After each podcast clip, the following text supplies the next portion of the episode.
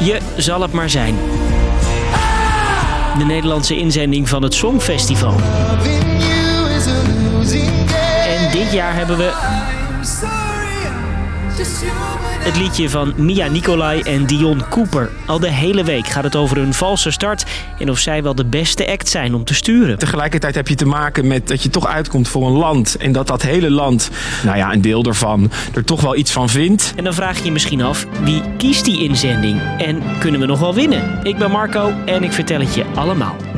Lang verhaal kort. Een podcast van NOS op 3 en 3FM. I don't know what I've been looking for. Zo zou het moeten klinken. En zo klonk het live. Misschien hoorde je het de afgelopen dagen al voorbij komen. Mia Nicolai en Dion Cooper met hun nummer Burning Daylight op het podium. Zij zijn de Nederlandse inzending voor het Eurovisie Songfestival, dat dit jaar in Liverpool is. Ja, niet helemaal het niveau waar je misschien op hoopt voor die wedstrijd. Oudwinnaar Duncan Lawrence bracht de twee bij elkaar. Het duo was hiervoor niet echt bekend. Dus even voorstellen, Mia en Dion dus. Ze zingen nog niet zo heel lang samen. Mia stond nog niet zo vaak op het podium, een keer of twintig in kleine zaaltjes. Zij woont in L.A. en maakt daar muziek. En Dion deed eerder mee aan The Voice. Hij klinkt een beetje als een combi van Harry Styles en Ryan Adams, zegt hij zelf. Zij gaan dus namens Nederland naar het Songfestival. En zijn niet alleen. Ja, zeker. Eh, ik mag erheen, dus ik vind dat hartstikke leuk. Dat is onze collega Jorn. Die weet alles van het liedjesfestijn. En de ophef die er is rond Mia en Dion. Nou, ze krijgen veel over zich heen. Van, eh, van de pers, maar ook op social media. Hartstikke leuk op een feestavond van de middelbare school. Maar een grote podium past er niet. Om ons duo is veel te doen naar hun eerste live optreden. puinruimen voor Afrotros. Ja, want die omroep koos het duo uit en reageerde zelf ook. We hebben gezien dat het nog niet goed gaat. Er is veel terechte kritiek, maar we weten wat ze kunnen.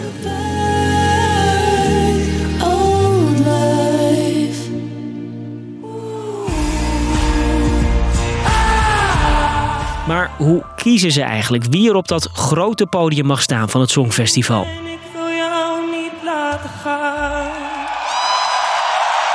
Thank you. Nou, net nadat de vorige inzending het applaus heeft gekregen, Gaat de mailbox van Avrotros weer open. Ja, zeker. Een paar dagen nadat de finale van het Eurovisie Songfestival is geweest, gaat de inschrijving van Afrotros, de Nederlandse omroep die het dus organiseert, open. Dan kunnen artiesten zich melden met een liedje. Er kwamen dit jaar ruim 400 liedjes binnen. En zes mensen in een selectiecommissie luisterden die allemaal. Jorn weet wie die zes zijn. Dat is de directeur van Afrotros. Dat zijn de twee commentatoren van het Songfestival. Dat zijn Jan Smit en Cornald Maas. En voor de rest zitten er drie radio-dj's in. En Cornald Maas vertelde vorig jaar al dat al die honderden inzendingen gewoon een goede kans maken. Het is voor iedereen bereikbaar. Ook of je, als je onbekend bent of een geweldig talent bent, maar niemand heeft je nog gezien, maar je hebt een geweldige song. Het kan zomaar En gebeuren. uiteindelijk kiezen ze dus de inzending. Dat is best een grote verantwoordelijkheid. Zeker, als je in de finale staat, dan kijken er 180 miljoen mensen naar je. En die valse start van Mia en Dion is zo dan ook niet onopgemerkt gebleven. Dat begrijp je wel. Die keus zou de selectiecommissie trouwens unaniem hebben gemaakt, zeiden ze eind vorig jaar. Maar later bleek van niet. Jan Smit heeft bijvoorbeeld gezegd dat hij eigenlijk niet het eens was met die keuze. Dus er was wel wat oneenigheid binnen die selectiecommissie. Maar we weten eigenlijk niet of dat andere jaren ook zo was. Eh, daar weten we eigenlijk niks van. Burning daylight. Een hoop ophef dus, maar ook steun voor Mia en Dion. Zo blijft Duncan Lawrence, die meeschreef aan hun lied, achter ze staan. En hij stopt zelf even met uitbrengen van eigen werk om ze te steunen. We gaan ons uiterste best doen om alles op alles te zetten om dit allemaal in goede banen te leiden. En ook Afrotros trekt de stekker niet uit de show. We zijn ze intensief aan het begeleiden en we hebben geloof in ze. Mia en Dion zelf proberen intussen de kritiek een beetje te vermijden. Ze trekken zich ook behoorlijk terug. Interviews worden, worden uitgesteld. En ze zijn eh, eigenlijk vol aan het, eh, aan het oefenen geslagen. En het duo zegt dat ze gewoon doorgaan in de podcast Songfestival Troubadours. We gaan niet liegen. We hebben het ook teruggekeken en teruggehoord. Helaas hadden we echt heel veel pech met de in-ears en de techniek. Daarin is het eh, inderdaad ja, minder goed gegaan, om het maar zo te zeggen, dan dat we zelf hadden gewild. Maar dat eh, ja, laten we gewoon gaan bij wat het was en we gaan lekker door. Of het allemaal genoeg is, dat gaan we zien op 9 mei in de eerste halve finale. En Jorn, durf je al te voorspellen hoe ze die gaan doorkomen? Ik vind het heel lastig. Bij de bookmakers zie je ze deze week wel echt terugzakken. Maar goed, wat ook wel belangrijk is om te zeggen is dat uiteindelijk, hè, in Nederland hebben we het hier nu over. Maar uiteindelijk kijken 180 miljoen mensen naar het Songfestival. Kunnen Nederlanders niet op Nederland stemmen. Dus als zij een fantastisch optreden neerzetten in eh, Liverpool met een hele mooie act, dan zou het zomaar kunnen dat ze alsnog ontzettend gaan stijgen.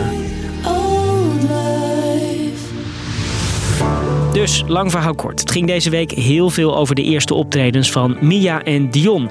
Een paar valse noten zorgden ook voor een hoop valse reacties. En de vraag, wie heeft dit Songfestival duo gekozen? Dat doet een commissie van zes mensen die honderden inzendingen doorspit.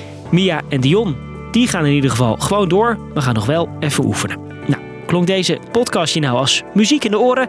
Dat is mooi. Wij zijn er elke door de weekse dag rond de klok van 5 uur. Thanks voor het luisteren. Dag! 3FM. Podcast. Het verhaal van een plaat. We zijn deftig nu, we zijn deftig. We zijn deftig nu. Zoals je het nog nooit hebt gehoord. It's the song that changed my life.